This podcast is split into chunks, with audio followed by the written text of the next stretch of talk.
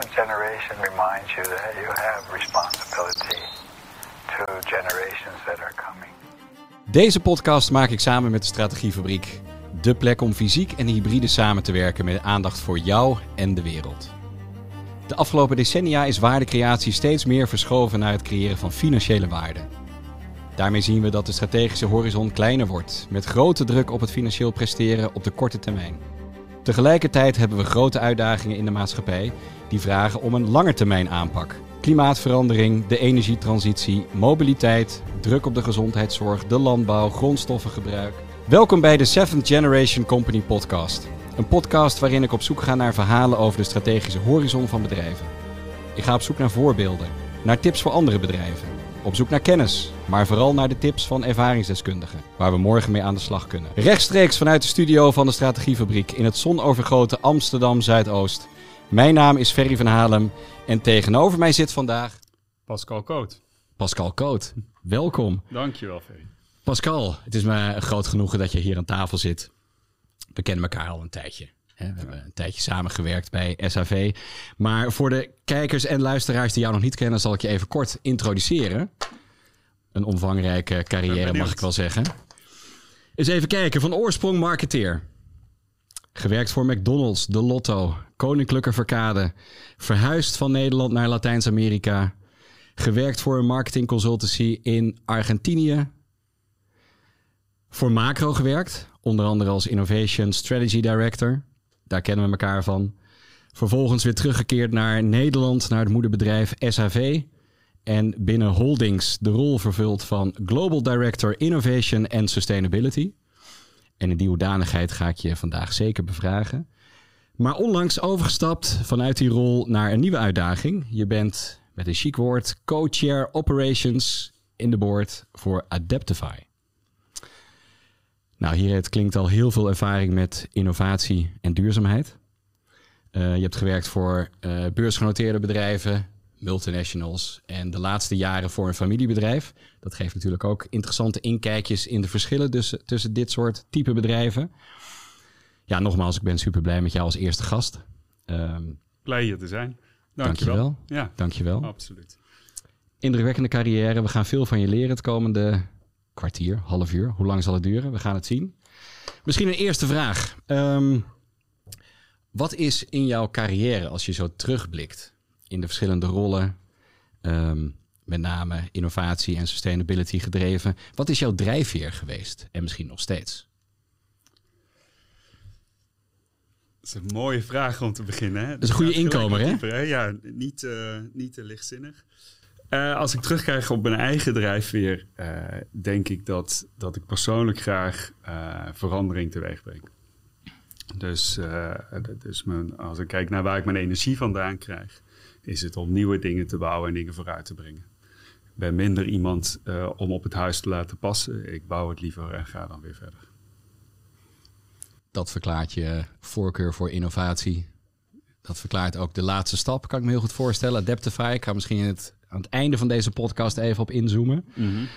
uh, ik heb je ook gevraagd, uh, in aanloop naar deze podcast, heb je ook een bepaalde bron van inspiratie? Je was net in het voorgesprek, kwam je even terug op een interessant gedicht. Ik neem aan dat je dat niet als bron van inspiratie wilt gaan noemen, maar heb je voor innovatie en duurzaamheid ook een bron van inspiratie? Wat vind je tof om uh, te gebruiken misschien in je werk? Ja, ik vind het lastig hè, als je over bron van inspiratie praat, dat, het, dat mensen vaak toch iets specifieks of een persoon voor zich, uh, voor zich houden. Ja. Um, als ik zelf terugga en recent ben ik dus een nieuwe uitdaging begonnen en dan vertel je eigenlijk heel vaak weer waar, waar hoe is je carrière nou begonnen en als je erop terugkijkt, waarom is dat? En uh, als ik daarop terugkijk, uh, toen ik jaar 14 was, ben ik begonnen af te wassen in, de, in een restaurant in de horeca. En uh, ben later naar de hotelschool gegaan in Maastricht. Vooral vanwege de gastronomie, zei ik altijd.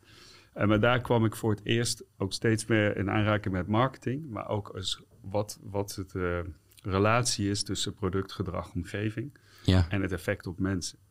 En wat ik dus uiteindelijk mensen, wat mijn drijfveer was, is kan ik toch elke keer mensen net wat anders laten doen dan dat ze daarvoor deden.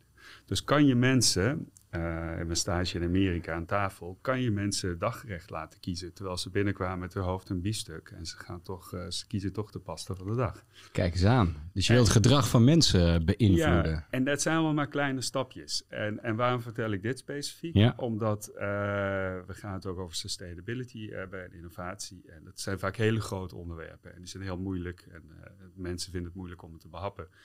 maar als je zelf begint kleine stapjes te zetten, dan ben je de beweging van, uh, van verandering. Ja. En, en dat drijft mij dus eigenlijk. Dus buiten mezelf, maar kan ik mensen kleine stapjes laten zetten. Heel mooi, heel mooi. Om iets in beweging te zetten. Ja, fantastisch. Want dat is ook waar we naar op zoek zijn hè, in deze podcast. Wat zijn dan die kleine stapjes voor mensen, bedrijven die misschien nog aan het begin staan van, uh, van dit soort trajecten? Daar kunnen we ze zeker mee helpen. Mm -hmm. Heel erg tof. Um, ik heb je ook uitgenodigd omdat je inmiddels al jarenlang bij SAV werkt. Mm -hmm. um, het grootste familiebedrijf van Nederland. Um, ik denk dat dat een mooie leercase is voor onze kijkers. Um, voor degene die het nog niet uh, kent, hè, SAV, misschien even een korte, uh, korte opsomming van waar hebben we het over? Wat is de scope van, van SAV? Opgericht in 1896 als de Steenkolen Handelsvereniging. Dat is natuurlijk mooi als je het hebt over sustainability en innovatie. Uh, in de steenkolen begonnen. Actief in energie, transport, diervoeding, research, bedrijven in het portfolio zoals Mammoet, Macro, Nutreco, NPM Capital, SAV Energy en onlangs Kiwa. En daar hoort ook Adaptify bij uh, inmiddels. Actief in 69 landen. Dat is natuurlijk een uh, gigantische scope. 55.000 medewerkers en een omzet van tegen de 20 miljard euro. Met een prachtige purpose. En de purpose is onlangs aangescherpt, mag je misschien wel zeggen. Uh, de purpose luidt Courage to Care for Generations to Come. Daar zitten hele interessante componenten in. Kortom, het is niet niks waar we het over gaan hebben. En zeker om in zo'n complexe uh, organisatie, uh, zo'n grote organisatie, te gaan hebben over veranderingen en de kleine stapjes die je dan kunt zetten in zo'n complexe omgeving. Nou, ik ben heel erg benieuwd naar wat jouw ervaringen zijn. Um, misschien om even te beginnen met, uh, met die purpose misschien wel. Die, uh, die spreekt mij aan. Um, kan je er iets meer over vertellen hoe die tot stand is gekomen? Of wat de kernelementen zijn uit, nogmaals, Courage to Care for Generations to Come? Ja, het is best een mond vol natuurlijk. Hè? Ja, je zei net uh, dat die is aangescherpt of zo. Kijk, het mooie van SAV vind ik als bedrijf, het is een familiebedrijf en bestaat dus 125 jaar. En die purpose is er altijd geweest. Die is natuurlijk ook opgebouwd door die 125 jaar. En die zat in de mensen, maar die was eigenlijk nooit expliciet gemaakt. Dus, uh, dus vanuit uh, het leiderschap van SAV is gezegd, de tijden veranderen, dat zien we om ons heen. En het is voor een organisatie belangrijk om je purpose helder te hebben. Uh, dus voor wie is dat belangrijk? Uh, intern, mm -hmm. in de eerste instantie, maar ook voor extern. Ik bedoel, waar sta je voor? Dus als je talent aantrekt, zie je tegenwoordig dat heel veel jongeren willen bij bedrijven werken. waar, purpose, hè, waar duidelijk een purpose is. Waar, waar wil je naartoe? en waarom doen we de dingen? En dat is natuurlijk een verandering in de maatschappij. En je kan wel zeggen als organisaties, oh dat zit wel in ons. maar we leven in 2021 en, en, in deze tijd vertel je ook duidelijk waar je voor staat en waar je naartoe wil. Ja. Uh, dus vandaar die, die expliciete uh, is gemaakt. En uh, ja. wat, het begint met het woord courage. Ja. Moed. moed. Uh, als je het vrij vertaalt, ja. Dus, uh, of lef, of hoe zou je het omschrijven? Ja, nee, courage to care is dat je, zoals bij ons ook wordt gekeken wordt, dat je, um, dat je het ziet, hè, dat het belangrijk is om beslissingen te nemen waarbij je de drie P's, hè, planet, people en performance, dat je die ook balanceert in je beslissingen. Planet, people en performance, ja. dat is een, een, een, een alternatief op de performance staat voor, uh, voor, voor finance, zou je kunnen zeggen. Hè? profit. Ja, ja, nou kijk, ik ben natuurlijk ook, uh, en ik denk dat het interessant is om te vertellen. Uh, bedoel, je, je vraagt specifiek naar SRV. Hè. Ik denk dat het, hetgene waar we het vandaag over hebben, meer ook voor mij een, een, stuk is dat zich heeft opgebouwd over mijn carrière. Waar je dingen hebt geleerd en die je nu ook bij SRV ziet of naar voren ziet komen, die lang niet altijd specifiek alleen daarvoor betrekking, betrekking hebben. Maar wel wat je ziet is dat het tegenwoordig gewoon heel goed mogelijk is. Hè? Doing well by doing good. Ja. Uh, waarom moet geld verdienen losstaan dan goed voor je mensen zorgen of goed voor de planeet zorgen? Volgens mij is daar geen enkele reden toe. En, uh, en dat is denk ik ook wat, wat SRV duidelijk wil, uh, wil laten zien.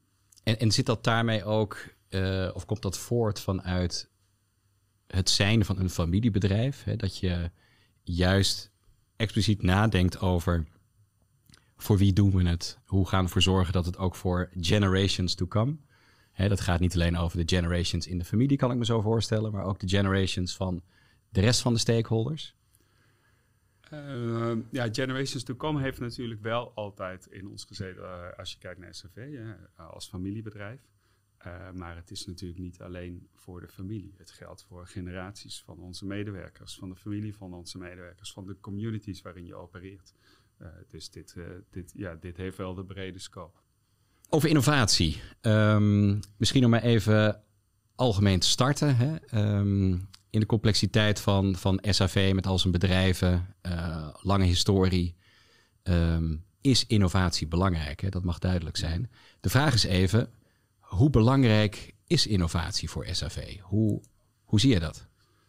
Ik vind het een mooie vraag, Ferry. je zegt wel specifiek SRV. Ik denk dat als ik toch terugkijk over mijn hele carrière, dat uh, of het nou bij Verkade was of McDonald's, weet je, innoveren is de essentie om relevant te blijven. En dat is eigenlijk onafhankelijk van het, uh, van het bedrijf.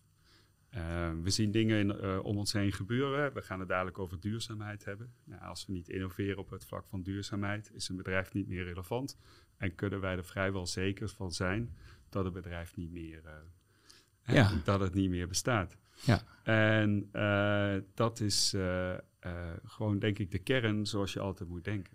Dus innoveren is belangrijk om relevant te blijven in de toekomst. Ja. Um, dat hoor je natuurlijk heel vaak. Hè? Bedrijven zeggen dat ook heel vaak. Ja. Wij moeten innoveren vanwege de toekomst. Maar als puntje, puntje bij paaltje komt. Het is natuurlijk wel een bedrijf waar verwachtingen zijn uh, nou, misschien niet eens verwachtingen, eisen spelen ten aanzien van winstgevendheid. Hè, van hoeveel geld verdienen we. Um, en ook de, je komt meteen in de, in, de, in de knel, zou ik bijna willen zeggen, tussen, ja, wil ik morgen uh, 100 euro verdienen of wil ik uh, over een jaar 1000 euro verdienen? Hè? Dat is best wel een lastige afweging. Hoe, hoe, wat is jouw visie daarop? Hè? Het, het vrijspelen van resources, uh, durf te zeggen van nee, we gaan investeren in die toekomst. Nou, kijk, en dit is eigenlijk veel leuker waar je het nu over hebt. Hè? Uh, leuker dan? Dan gewoon vragen, is innovatie? Hè? Waarom doe je het? En is het ja. belangrijk? Ja. Uh, alles is belangrijk. Hè? Uh, elke afdeling en elke organisatie zegt dat ze belangrijk zijn. Um, maar het gaat om de keuzes die je maakt als organisatie. En wat ik het mooie vind in de, in de verschillende bedrijven waar ik in heb gezeten, is dat de bedrijven die een langere termijnvisie hebben, uh, uiteindelijk serieuzer omgaan met innovatie. Omdat ze verwachten uh, dat ze niet twee of drie jaar in een stoeltje zitten, maar omdat ze daadwerkelijk hè, de organisatie een stuk verder willen brengen in de tijd. En wat dat betreft is SHV natuurlijk een mooi voorbeeld. Maar ik heb ook soortgelijke voorbeelden gelezen en gezien bij Verkade. Mm -hmm. het zijn bedrijven, toen ik bij, heel toevallig bij Verkade werkte, bestond Verkade ook 125 jaar. Ik was in mijn carrière trouwens nog op zoek naar het volgende bedrijf dat 125 jaar bestaat. Daar kan ik vast solliciteren. Veel ervaring mee. maar dat, dat zijn voor redenen. En, en dat zie je, dat, dat zijn bedrijven die, die, die hebben hele transities doorgemaakt natuurlijk. Ja. Die zijn echt bewust uh, van hun oorsprong uh, zijn ze soms afgeweken. Uh, bij Verkade vanwege in de oorlogstijd dat grondstoffen niet te krijgen waren. Toen kwam er veel suiker binnen. nou, uiteindelijk hebben we chocola en, en biscuits. ja, bij SAV is, zijn er ook al redenen geweest. Weet je. Er, is al, er is al een soort energietransitie geweest in de jaren 60. Eh, onze naam eh, zegt niet meer wat we doen. We praten ook over SAV. En eh, ja, dat zijn, dat zijn echt bedrijven en dat zijn keuzes die je fundamenteel maakt. En die worden vaak ge- eh, genomen door leiders in bedrijven. eh, die er niet tijdelijk zijn, maar die er toch echt voor de lange termijn zijn. Is dat een belangrijk element dat je beschikt in een bedrijf over leiderschap dat er voor de langere termijn zit? Want dat, dat speelt wel vaak, hè? Dat, dat mensen op posities zitten, je zei het zelf al. Ehm, die zitten daar misschien niet voor de komende twintig jaar of voor de volgende generatie. Hè, die zitten daar voor een aantal jaar en die willen een goede prestatie leveren om vervolgens weer naar een andere mooie plek te gaan. Hoe krijg je hen zover dat ze toch verder kunnen kijken dan die, ja, die, die korte termijn van een aantal jaar op die positie zitten? Ja, ik denk dat het wel echt dan in de top en in, de, eh, in het DNA van een, van een bedrijf moet zitten. Ik bedoel, zij zijn degene die de cultuur bewaken, zij zijn degene die de lange termijnvisie eh, bewaken. En je hoeft, dat, je hoeft niet allemaal cultuurbewakers te zijn en je hoeft er niet allemaal mee bezig te zijn. Maar als je zorgt dat er een, een, een goede groep is die dat kan doen, eh, dan ook mensen die tijdelijk in een rol zitten, die begrijpen wel hoe er in een organisatie verwacht wordt dat er gewerkt wordt. En betekent dat dat er dan veel gesproken wordt over dit soort onderwerpen intern? Dat is soms dat is best lastig te zeggen. Hè? Als je ehm, in een organisatie zit, dan wordt het op een gegeven moment gewoon. Ehm, eh, dus ja.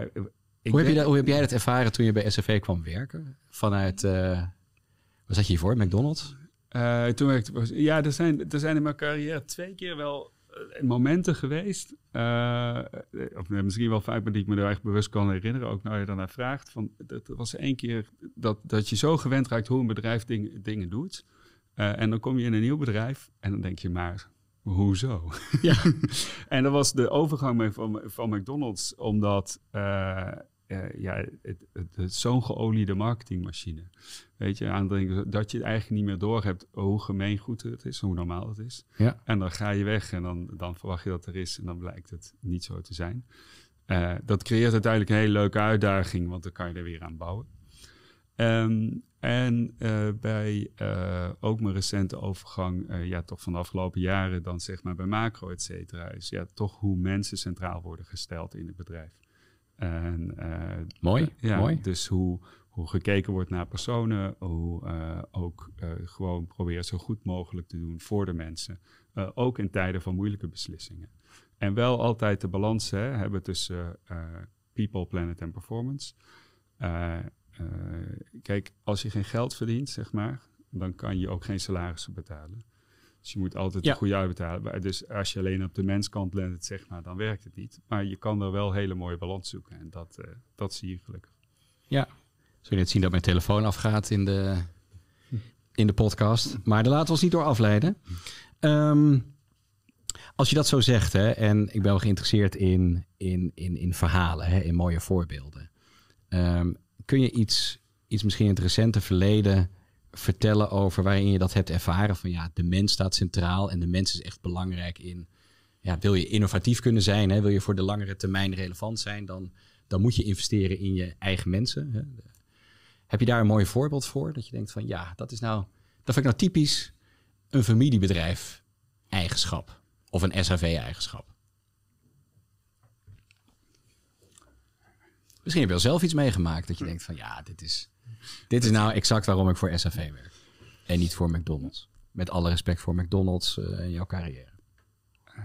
Ja, de, vraag eh, dus, dus die kan eigenlijk ook twee kanten weer op. Hè? Dus als je meer een bedrijfsmatig voorbeeld hebt, eh, eh, hoe SHV macro eh, is blijven steunen in Venezuela en nog Ja. steeds doet.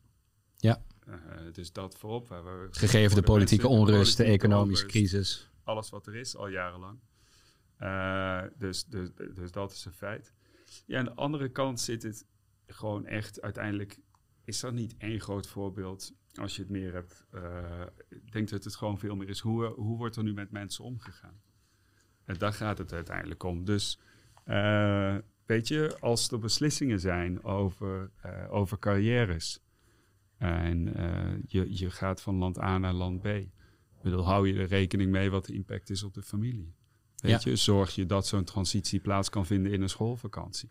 Weet je, dat zij lijken hele kleine dingen, maar die kunnen echt ontzettend veel impact hebben op uh, natuurlijk familieleven en uiteindelijk carrière. Dus je kan heel makkelijk, dan kan ik tegen Ferry zeggen, kijk eens wat een mooie kans. Je kan, hè, je kan baas worden in land X en je kan dit verdienen, maar je moet wel morgen gaan. Ja, ja, dan is de business belangrijker dan de persoon die je nodig hebt. Dan alles wat je nodig hebt. En uiteindelijk weet je ook, als je goed begrijpt en ook als je naar jezelf kijkt, uh, dan weet je dat uh, ja, je goed presteert als je goed in je vel zit. Ja. En misschien kan je best wel een tijdje zonder vrouw en kinderen wonen. Uh, maar ja, wat, wat gebeurt er na zes maanden? Of dat je zes maanden op en neer gaat en, ja. en super moe bent. En ja. dat gaat natuurlijk niet. Ja. Dus, Oké, dat is alvast een hele mooie tip. Hè? De mens centraal. Hè? Wil je innovatief zijn, dan moet je aandacht hebben voor de mens en voor de ontwikkeling van je medewerkers. Dat ze goed in hun vel zitten, want dan kunnen ze optimaal presteren. Um, als we even doordenken op die mens. En probeer me even voor te stellen, hey, je werkt in een bedrijf en uh, je hebt je verantwoordelijkheden in het huidige businessmodel. Um, en tegelijkertijd wordt van je verwacht om ook na te denken over morgen en misschien wel overmorgen. Wat zijn jouw ervaringen daarmee? Hoe kan je mensen de ruimte geven om daar tijd aan te besteden? Of misschien in projecten te gaan werken? Hoe, hoe doe je dat? Moet je mensen daar een deel van hun tijd voor vrijmaken? Moet je daar projecten op gaan, gaan opstellen? Wat is in jouw ervaring een goede, een goede methodiek? Um, en waarschijnlijk kan ik die vraag ook op twee manieren. Nee, nee, helemaal niet. nee, ik zat daar te denken over het woord methodiek. Alsof we een soort. Uh, alsof we samen iets op een whiteboard konden schrijven, zoals we vroeger ook deden. Ah. dat van, dat, dat, dat ja, vinden wij prettig. Papier en, uh, ja. Als je wilt tekenen, ga je gewoon. nee, het is. Um, um, ik denk uiteindelijk, als je wil dat, uh, dat de juiste balans gegeven wordt, moet je mensen sowieso ruimte geven in hoe ze hun bedrijfsvoering doen dus je kan mensen, uh, uh, bij beursgenoteerde bedrijven heb ik de ervaring gehad dat mensen maandagochtend op je nek kunnen zitten over de cijfers van de afgelopen drie dagen, zeg maar. Ja. Dat laat weinig ruimte over om na te denken over morgen. Dus je kan mensen ruimte geven in, in, in het voeren van het bedrijf. En ik denk dat je als management heel erg verantwoordelijkheid hebt om de juiste vragen te stellen. Dus, de vragen stellen aan wie? Dus, dus gewoon aan de organisatie. Weet je, is dat het beste wat we kunnen doen? Weet je, uh, levert dat, uh, halen we daar alleen onze bonus van vandaag mee? Of zijn we daar daadwerkelijk iets mee voor de toekomst aan het, uh, bouwen? En ik denk dat, dat mensen ook het gevoel moeten geven daarmee dat er ruimte is hè, om niet alleen maar voor vandaag te moeten leveren, maar ook dingen voor morgen voor te kunnen stellen dat daar ruimte voor is. Sterker nog, dat je daar wel eens gewoon uh, hè, interessantere projecten, gesprekken, uh, carrières, waar allemaal uit zou kunnen halen. Ja, ja. Hoe moeilijk is dat om. Ja, Vraag stellen is natuurlijk ook een kunst apart. hè? En ook ja. zeker structureel in de organisatie mensen aan het denken zetten en laten meedenken. Dat, dat klinkt fantastisch, maar dat lijkt me ook wel lastig. dat is makkelijk hier aan tafel. Hè? Uh, zeker als je weer in de business zit en uh, er moet nog, dit moet nog geleverd worden, dat moet nog beantwoord worden. Dat is ja. ook zo. Ja. Uh, maar ik denk dat je juist ook gewoon mensen wel uit moet dagen om, weet je, daarmee bezig te zijn. Want het is niet, uh, weet je, geef mensen ruimte en, en laat, ze erover, ja, laat ze erover nadenken. En uh, ja, zet het dan soms ook bewust op de agenda. Ja, en dus ja. ook als, um, als je als bedrijf of bedrijfsonderdeel, als team kansen ziet om iets nieuws te gaan doen, dan moet je dat gaan doen. Misschien wat ten koste van de, de, de, de PNL van, van deze week of deze maand, dit jaar. Om daar toch die ruimte voor te creëren om dat te gaan opzoeken. Ja, dat is, dat is natuurlijk al, dat is wel een van de uh, makkelijkste stellingen in managementboeken. Dat, en dat is misschien wel een van de moeilijkste in de praktijk natuurlijk. Ja. ja maar, de, kijk, maar het begint bij leiderschap die dat ja, dus afdwingen, dat, toch? Ja, het begint bij leiderschap. En waarom zeg ik dan ook de juiste vragen stellen? Is omdat in de hele innovatiejourney die ik heb meegemaakt, en uh, vooral in de macro-periode, is uh, dat je klein kan beginnen en dat uh, management ook ander soort vragen kan stellen over innovaties dan over normale uh, processen. Hè? En dus, wat, wat is uh, dan anders aan die innovatievragen? Nou, bijvoorbeeld, we hebben leiderschap getraind om niet te vragen naar de business case gelijk. Want als je innoveert, uh, ja, dan, dan, dan weet je soms helemaal nog niet of het geld gaat opleveren. Helemaal niet in een vroeg stadium. Um, dus wat we heel erg hebben geprobeerd, ja, in, uh, als dingen relatief nieuw waren en ver, ver buiten het standaard businessmodel, is um, kan je nog kleiner beginnen? Is zou een vraag kunnen zijn als management onzeker is. Want je bent snel geneigd, ga naar die business case toe of oh, dat vind ik allemaal spannend. Maar kan je een kleiner beginnen? Kunnen we, wat is de kleinst mogelijke investering dat ik jou kan helpen om die, dit, dit idee Om die te ruimte testen? te creëren. Ja, om die ruimte te creëren. Dus wa- wat is de kleinst mogelijke mogelijkheid om het te testen? Eh, en wat voor budget heb je daarvoor voor voor nodig?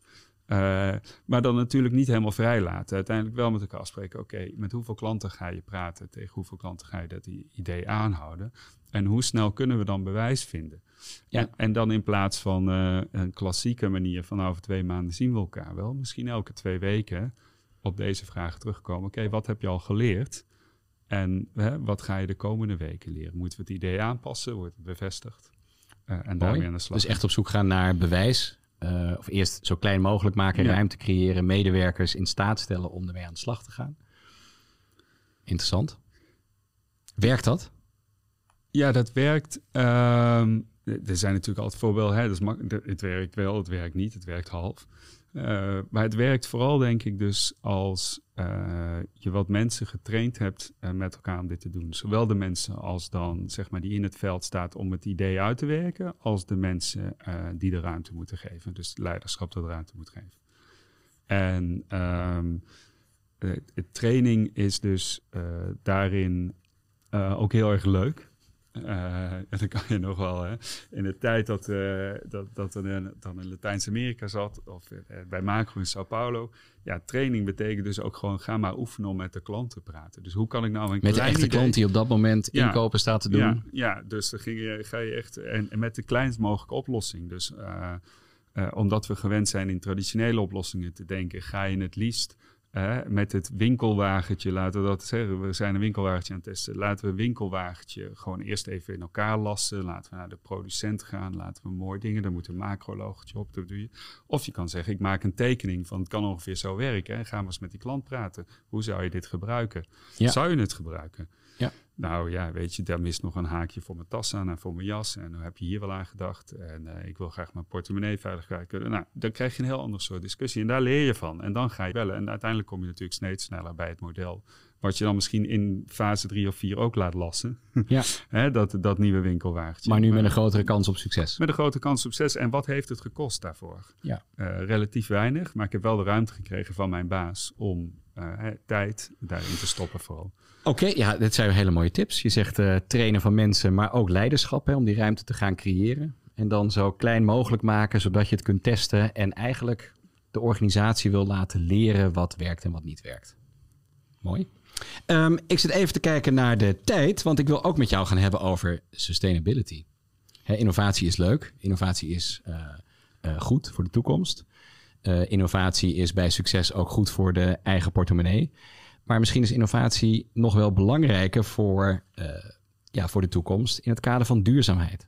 Hè, kunnen we de, de verantwoordelijkheid van, uh, van bedrijven aanspreken? Kunnen we de resources uh, die ze hebben, kunnen we die inzetten om ja, de grote uitdagingen van deze tijd op te lossen?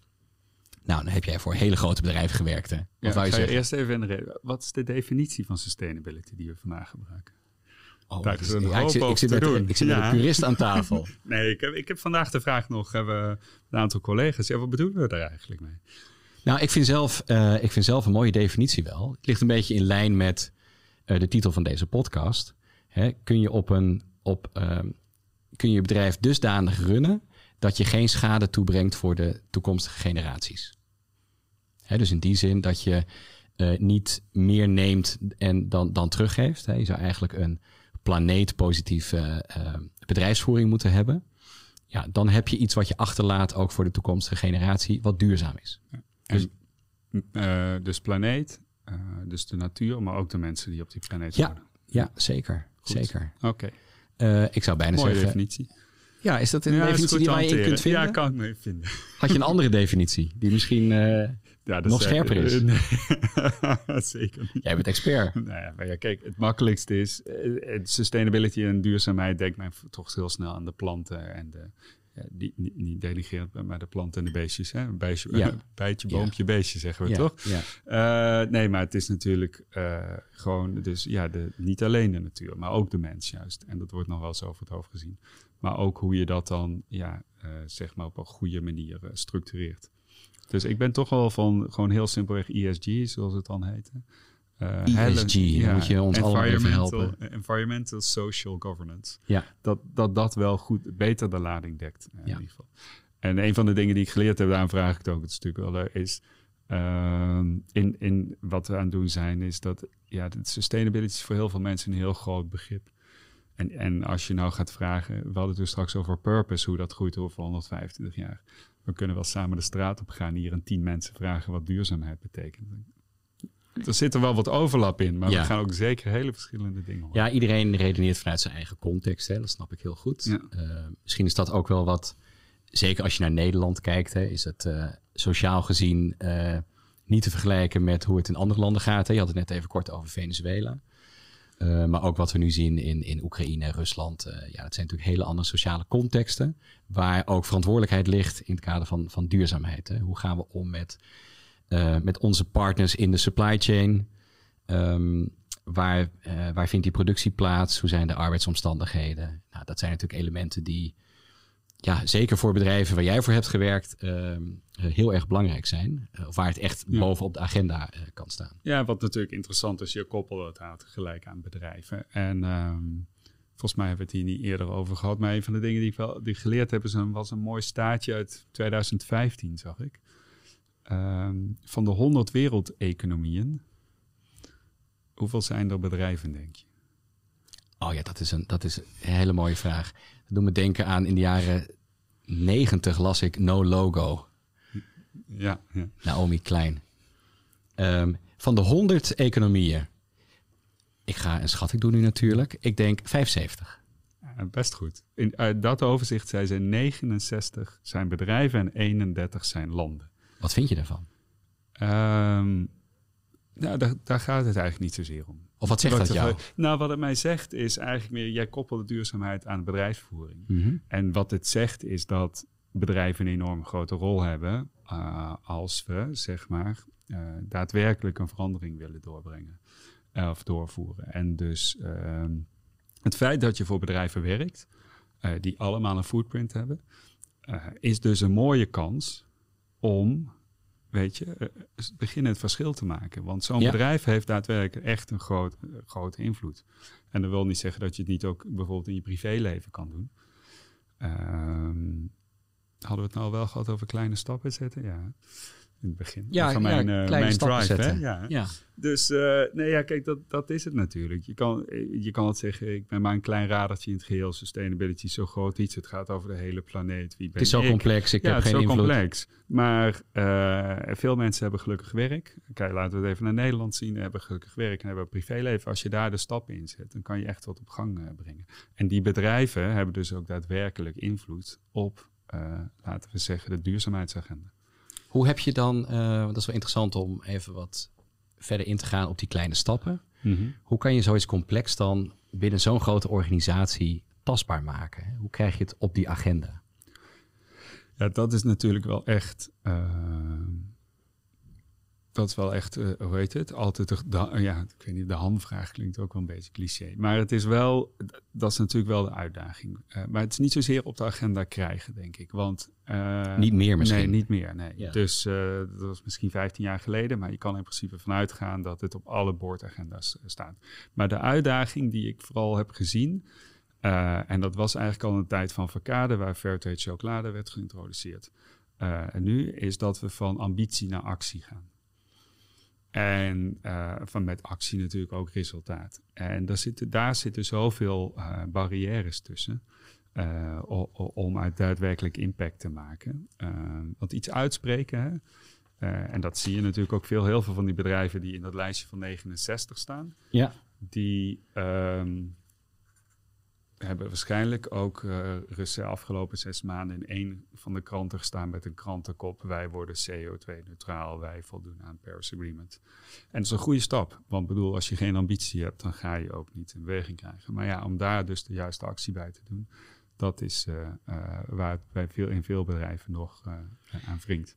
Is die, dat, dat, dat, is, dat kan ik me heel goed voorstellen. Hè? Een ambitie stellen is, uh, dat is al mooi. Hè? Dat is, klinkt bijna hetzelfde als we gaan een purpose statement opstellen. Maar hoe je het dan ook in praktijk brengt, in gedrag uh, terugvertaald ziet worden, dat is wederom heel erg complex. Waar, waar start dat mee? Is dat, is dat, dat is ongetwijfeld uh, per bedrijf verschillen. Hè? Het kan zijn vanuit de klant, hè? de klant die wil zaken anders zien. Het kan zijn vanuit de overheid die regels oplegt. Het kan zijn vanuit de aandeelhouders die het licht heeft gezien of hebben gezien. Wat is de belangrijkste kracht hierin volgens jou? Uh, uiteindelijk gaat het om het mobiliseren van de mensen. dus als, als jij en ik en iedereen hier in de studio hetzelfde idee hebben dat als wij dadelijk de hier uitlopen en wij doen een klein beetje extra, uh, ik ben bij Pieter Pot gaan bestellen om minder plastic te hebben. Dan kan ik wel denken, gods, dat is maar een klein stukje, maar het, het is weer een stap, zeg maar. Uh, dan gaat het vooruit. Ja. En in dat sens, eh, je noemde purpose al even in je introductie voor deze vraag. Uh, wat, ik, wat ik heel mooi heb gevonden en ook heel erg krachtig uh, bij SAV, is dat we de purpose persoonlijk hebben gemaakt. Dus na, na zeg maar uiteindelijk de, de lancering daarvan uh, is, uh, zijn veel collega's is gevraagd om te vertellen wat hun personal purpose is. En uh, open, dus niet met, met een vragenlijstje, maar open, dat op video te zetten en dat te delen met je collega's. Kijk eens aan, iedereen mocht dat doen. Ja, er is in eerste instantie een groep voor uitgenodigd. Uh, en, en zo is het begonnen. En toen eenmaal de Purpose expliciet uh, uh, gemaakt was, hebben we ook Purpose Dialogues verder geïntroduceerd. Ehm, waarbij we mensen vanuit alle groepen over de hele wereld hebben uitgenodigd. Nou, vertel nou eens over je personal, vertel alsjeblieft over je personal purpose. Hoe is die gerelateerd aan hè, de zakelijke purpose? Ja. Uh, en hebben gesprekken gevoerd daarover. En hebben we uh, met mensen die je eigenlijk zelden, of vaak ook niet kende, want die kwamen dus iemand van Mammoet uit Noord-Amerika, iemand van Utreco uit Latijns-Amerika. Dus die hadden nog nooit samengewerkt. Dus het was daardoor ook heel, heel open, heel onbedreigd. En, en dan ga je dus in één keer je, ga je vertellen wat je persoonlijk drijft. Dus waarom doe je dit? Dat doe ik voor mijn kinderen. Ik wil de wereld beter achterlaten. En, de, en wat je heel vaak zag, uh, dat vond ik dus ook mooi, is dat personal purpose en zakelijke purpose altijd een overlap hadden. En dat de mensen die, die dus ook bij die bedrijven werkten, omdat ze zagen dat er een overlap was. En dus dat je het gevoel hebt dat je daarmee niet alleen uh, dus zeg maar uh, ja, je salaris komt ophalen, maar dat het daadwerkelijk ook bijdraagt aan wat meer. Dat je dingen doet die ertoe doen. Ja, dat je dingen doet die ertoe doen. Ja. Ik zie wel een parallel met hoe jullie uh, over innovatie uh, denken. Hè? Met de mens centraal en de ruimte geven en de gesprekken erover voeren. Het klinkt als een heel krachtig instrument of middel die elk bedrijf zou kunnen inzetten. Hè? Ga het gesprek voeren over wat je persoonlijke purpose is en wat, wat brengt jou hier feitelijk. Hè? Uh, ja, ik, het is krachtiger dan, dan, uh, dan dat ik dacht. Dus Ja. dat is echt een ervaring misschien wel van de laatste vijf, vijf jaar. Wel altijd de overtuiging gehad, weet je, dat, dat je mensen in hun sterkte moet zetten, talent een kans moet geven. maar dit, gaat, dit, dit raakt eigenlijk de, de menskant op een wat andere manier. Ja. En, is, dat, is, is deze benadering dan ook belangrijker dan, ja, ik noem het altijd de, de methodieke en de reporting kant of de analytische kant van laten we eens gaan berekenen wat onze impact is en waar we het moeten gaan zoeken? Hoe, hoe... Ja, ik, ik vind van wel. Dat is ook echt heel 100% persoonlijk. Maar wil reporting is nodig. Hè? You can't manage what you don't measure. Is volgens mij bij Lean of zo zeggen ze mm -hmm. dat zo heel mooi.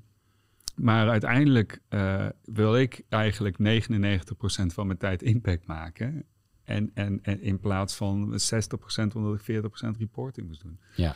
En uh, je, je, moet het wel, je moet het wel meten, want we weten ook dat er hè, die ambities om binnen Paris Agreement bijvoorbeeld te blijven. Ja, we, daar zitten hele duidelijke temperatuurdoelstellingen bij. Ja. en we weten wat er met CO2 gebeurt. Dus je moet het wel meten. Want anders kijk je elkaar over twintig jaar aan en zeg je... och, het is toch niet zo mooi als dat we gedacht hadden. Hè, dus je moet er wel een, een een kwalitatieve kant, maar ook vooral dus wel een kwantitatieve kant daarbij hebben. Uh, maar ja, het liefst wil je natuurlijk, uh, als je erin gelooft, wil je mensen mobiliseren en wil je die, ja. wil je die acties. Uh, en, en, en mensen mobiliseren en actie heeft in het kader van duurzaamheid natuurlijk ook heel erg te maken met de partners waarmee je samenwerkt hè, in, in je supply chain. Het is niet iets wat je in je eentje kunt oplossen. Ik kan me nog herinneren dat Jason Clay van het Wereld Natuurfonds, die heeft, die deed de uitspraak van zoek het altijd upstream. Hè. Ga altijd met, daar zit de grootste impact. Hè. Ga met partners praten uh, om die problemen gezamenlijk op te lossen. Is dit ook iets wat, wat, wat helpt als je dat op deze manier zou doen? Dus ga gesprekken voeren met je partners. Hoe, wat is jouw ervaring daarmee? Uh, nou, wat ik gezien heb, is dat we sommige dingen niet op gaan lossen als we niet doen. Uh, de, de, volgens mij zijn er. Ehm, moet je het uh, Even kijken wat de juiste woord is. Laat zeggen, er zijn uh, uh, voorbeelden van ingrediënten voor diervoer. Waardoor een, uh, een koe minder CO2 uitstoot als ja. je die zou gebruiken. Eh, Methaan. Ja, is nog niet, volgens mij is het niet helemaal doorontwikkeld. Maar er zijn indicaties dat, dat het mogelijk is.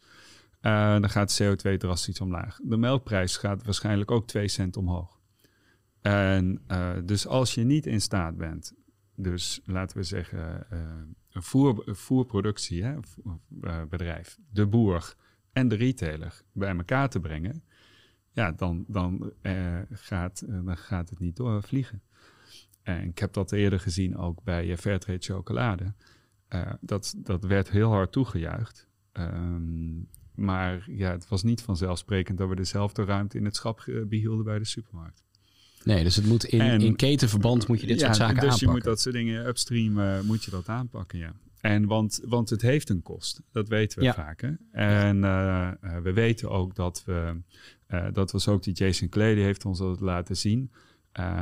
dat wij eigenlijk vandaag een stuk minder betalen voor hetzelfde eten als dat je bijvoorbeeld 30, 40 jaar geleden betaalde. Dus als, als je kijkt naar het mandje, wat wij. Uh, ja, dezelfde vrij, hoeveelheid producten. Ja, dezelfde producten. Ja, dan, dan zijn ze goedkoper. Dus ons vrij besteedbaar inkomen, zeg ja. maar. We, dat zat, ik, ik, ik heb de percentage niet meer over. Maar laat zeggen, 25% was het uh, uh, 10 jaar of 20 jaar geleden moest 25% aan voeding. Dat is de, was er wel gedaald naar 15%. Ja, die 10% die zijn we aan leuke dingen gaan uitgeven. Ja, misschien. En wat, wat, wat zegt dat? Jouw beleving? Nou, uh, dat, dat hoe heet het? Ehm, dat is iets ook wat je leert nu met principes als true pricing. Wij eigenlijk lenen we wat van de aarde. Want we weten wel dat de kost hoger is. Hè? Als, we, als er een jeans gemaakt wordt, uh, dan eh, vindt er een stukje vervuiling plaats in het water. En wij, wij betalen niet in die jeans om dat water weer te zuiveren. Ja, dus ook in de, in de bedrijfsvoering van die bedrijven, in dit geval de jeansproducent, is alles gefocust op efficiency en eigenlijk de prijs zo laag mogelijk krijgen.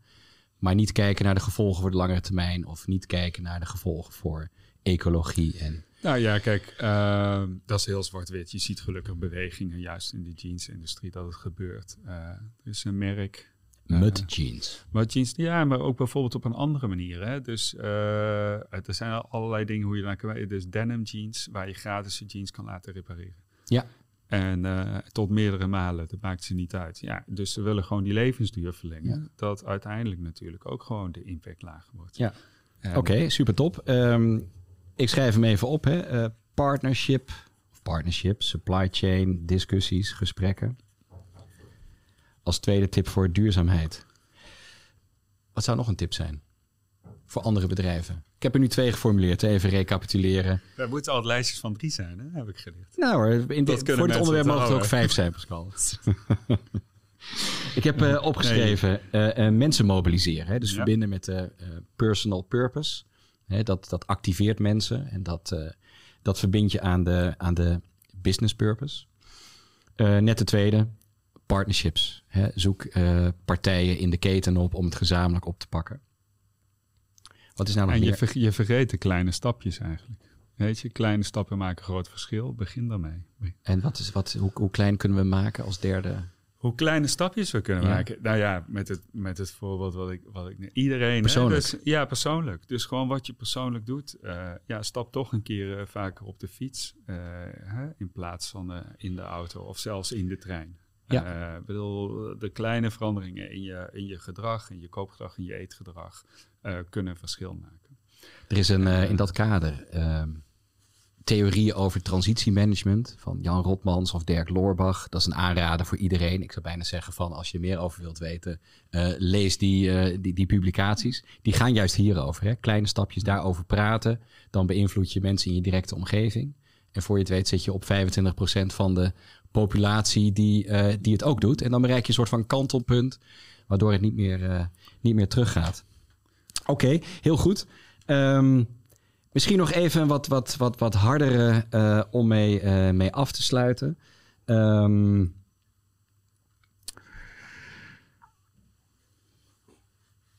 of harder, ik weet niet of die harder is. Ik, ik krijg altijd, eh, zeker van leadership teams, vragen over... Ja, Ferry, maar waar moet ik nou op sturen? Wat zijn nou de KPI's die ertoe doen? Dat is met finance is dat makkelijk. Hè? Dat zijn ze gewend, daar zijn ze in opgeleid. En dat eh, nou, hoef je niet te vertellen. Wat zou jij die mensen antwoorden? Wat is nou, als je zou moeten beginnen met een klein stapje. Laten we de stap zo klein maken. van Kies nou eens één KPI. Waar moet je het dan op richten? Ja, ik denk toch wel een van de grootste uitdagingen hebben we zit in CO2. Dus eh, ik zou... eh, Ongeacht in welke business je zit. Ja, want allemaal, alle, iedereen reist. Eh, iedereen heeft een CO2-footprint. dus dat is wat ik wel gezien heb, ook in discussies. En als je dus eh, gesprekken hebt met medewerkers om te begrijpen wat er leeft en wat bovenaan de agenda zou moeten komen. Of het nou met leveranciers was, intern of daarbuiten. CO2 raakt ons allemaal. En eh, eh, in alles wat we produceren, in wat we aan hebben, wat we eten, Ja. eh, dat soort dingen. Dus Ja. dan zou ik, als er één KPI was, zou het die zijn. CO2. Ja. Nutreco heeft zich gecommitteerd aan de science-based targets. Hè? In Ja. het kader van de anderhalf procent, of anderhalf procent, anderhalf graden temperatuurstijging. Heel goed. Is dat ook een ambitie voor de andere bedrijven van SAV, voor zover jij weet? Ehm, het is onze ambitie om, om verder te gaan, dus ook weer stappen te zetten. En eh, we hebben nu een duidelijke doelstelling. En eh, gezien de, ook de veranderingen die er nu zijn met eh, de nieuwe doelstellingen in Europa, et cetera, gaat, gaat het bedrijf daarin mee. Heel goed. We gaan naar een afronding, want we zitten lekker te kletsen zo. En het zijn natuurlijk hele inspirerende onderwerpen. En je weet er veel over te geval voor vertellen. ons. Voor ons zeker, ja. En hopelijk voor anderen ook. Ehm, even afsluitend. Hè. Ehm, je hebt deze rol nu achter je gelaten. Hè, Director Innovation Sustainability. Nu werk je voor Adaptify. Ehm, zit je echt in de tech. Hè, een, een scale-up techbedrijf eh, van SAV als joint venture. Ehm, wat neem je nou mee van je, van je kennis van de afgelopen jaren op deze onderwerpen naar zo'n tech-omgeving? Met, hoe groot was het? 65 mensen nu? Ja, we zijn rond de 60. 60 mensen. 60 collega's. Ja. In hoeverre speel, spelen dit soort onderwerpen, innovatie kan ik me voorstellen, maar in hoeverre speelt duurzaamheid? Ja, we hebben een hele jonge gemeenschap. Ehm, toevallig heb ik vandaag een, eh, eh, vooral internationaal, dus sorry voor het Engels, eh, een, een Shaping Adaptify lunch gehad. Eh, Shaping en- Adaptify. Ja, dus we zijn jong, anderhalf jaar. Maar ja, wel duidelijk ook met het inzicht van, van ik uit de, de vorige rol, maar ook daarvoor meegekregen. Dus mensen krijgen voldoening natuurlijk uit zeg maar een werkcontent. Eh, maar je wil ook iets daarbuiten eh, vaak doen. En wat, wat moet dat dan zijn? Dus wat, eh, als je nou over een Adaptify voor vijf jaar zou kijken, weet je, naast je, zeg maar, je projectwerk, waar zou je dan, waar zouden we op moeten letten? En aan de andere kant dus ook, ja, weet je, ehm, vinden jullie dat we wat moeten doen op het gebied van sustainability, eh, op, op, eh, op gelijkheid? Wat leer je inclusie? daaruit, uit die gesprekken? Ja, Uit die lunch van vandaag? Ja, het eh, superleuk. Dus eh, eh, nou, de basis was of je nou uit Spanje, India komt eh, of Maleisië. Dat zat er eh, aan tafel vandaag. Ja. Eh, eigenlijk denken we op dit moment, zeg maar in ieder geval die generatie, allemaal hetzelfde over. Ja, weet je, eh, eh, we zouden het graag doen. En als je, wat het, en misschien het allerleukste is, is dus oké, dus dan moet dat de verantwoordelijkheid zijn van het managementteam of van HR of zo. Nee, nee, dat, dat, dat is verantwoordelijkheid van ons allemaal. De mensen voelen het zelf. Ja, uh, dus ze willen, ze willen een bijdrage leveren daarin. En dat is natuurlijk super, uh, super leuk. Ja. ja. Heel erg mooi om te horen. Ik hoor ook hier weer een van jouw tips. Mensen mobiliseren, gesprekken aangaan. Want dat doe je nu ook binnen Adaptify. En eigenlijk die beweging gaan, gaan opzetten en uh, uh, ja, het verder brengen met elkaar. Ik heb allemaal tips. Even resumerend voor innovatie okay. en sustainability. Zet de mens centraal. He, zeker vanuit het, uh, je ervaring vanuit familiebedrijven. Um, mobiliseer mensen, ga persoonlijke gesprekken aan. Kijken wat we met elkaar gemeen hebben. En uh, geef mensen ook de ruimte, had je het over.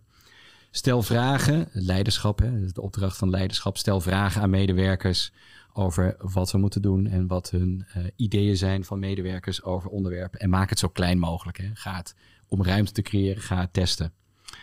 Voor sustainability zoek het niet alleen binnen het bedrijf, maar ook um, in je supply chain. Hè. Ga in gesprek met je partners. En vooral uh, persoonlijk, hè, persoonlijk gedrag. Zorg dat je zelf bewust bent van wat voor impact je als individu al hebt op uh, sustainability. En begin met het meten van CO2. Dat is een mooie, mooie set aan tips. Ja, jij vroeg een KPI. Begin met het meten van ja, CO2. Ik, ik kan hem Goed, zo doorste- ja. doorgeven aan, aan mijn klanten. Ja, heel fijn. um, ik wil je ontzettend bedanken voor dit, uh, voor dit fijne gesprek. En uh, ik was blij dat jij mijn eerste gast was uh, voor de Seven Generation Company podcast. Als je nou denkt aan gasten voor deze podcast, heb je dan meteen al een naam die in je opkomt van, ja, Ferry, die moet je ook spreken. Die heeft hier hele mooie beelden over. Om te delen met anderen. Ja, dat, uh, nee, ik heb geen antwoord op deze vraag. Geen antwoord? Nou, um, Pascal heeft geen antwoord, maar ik zou bijna een oproep willen doen aan de luisteraars, kijkers. Er zijn, er zijn, ik zou, uh, um, ik, wat, wat ik leuk vind, je probeert een beetje meer out of the box te doen, hè? Ja. Uh, zet je dochter een keer achter de microfoon. Dat is een goed idee. Dat is een goed idee. In het kader van, uh, van, van wijsheid of in het kader van de, de jeugdigheid? Of beide? Nee, alle twee, denk ik. Omdat het namelijk echt interessant is om uh, ja. te kijken naar, naar die kijk van, van de nieuwe generatie uh, te horen. En ik denk dus dat we als business leaders daar ook veel van kunnen leren. Dus als jij dat doet, ja. dat, uh, hoe heet het? Dat het een interessant Ik vind het een heel leuk idee. Ik vind het een heel leuk idee. Ik ga het vanavond aan de keukentafel ga ik het eens, uh, eens opwerpen. dat, dat zal, Kijken wie van de drie uh, zijn vinger opsteekt. Okay. Oh, heel ja, goed. heel erg tof. Ik zou bijna willen zeggen, of bijna, ik zeg het tegen onze kijkers en luisteraars. Heb je vragen over deze podcast of opmerkingen? Of denk je van, ik weet een interessante gast om uit te nodigen? Um, voeg het toe in de comments uh, of stuur mij een bericht, uh, mijn contactgegevens aan op mijn website bij strategiemakers.nl. En voor nu zeg ik, uh, Pascal, dankjewel. Graag gedaan.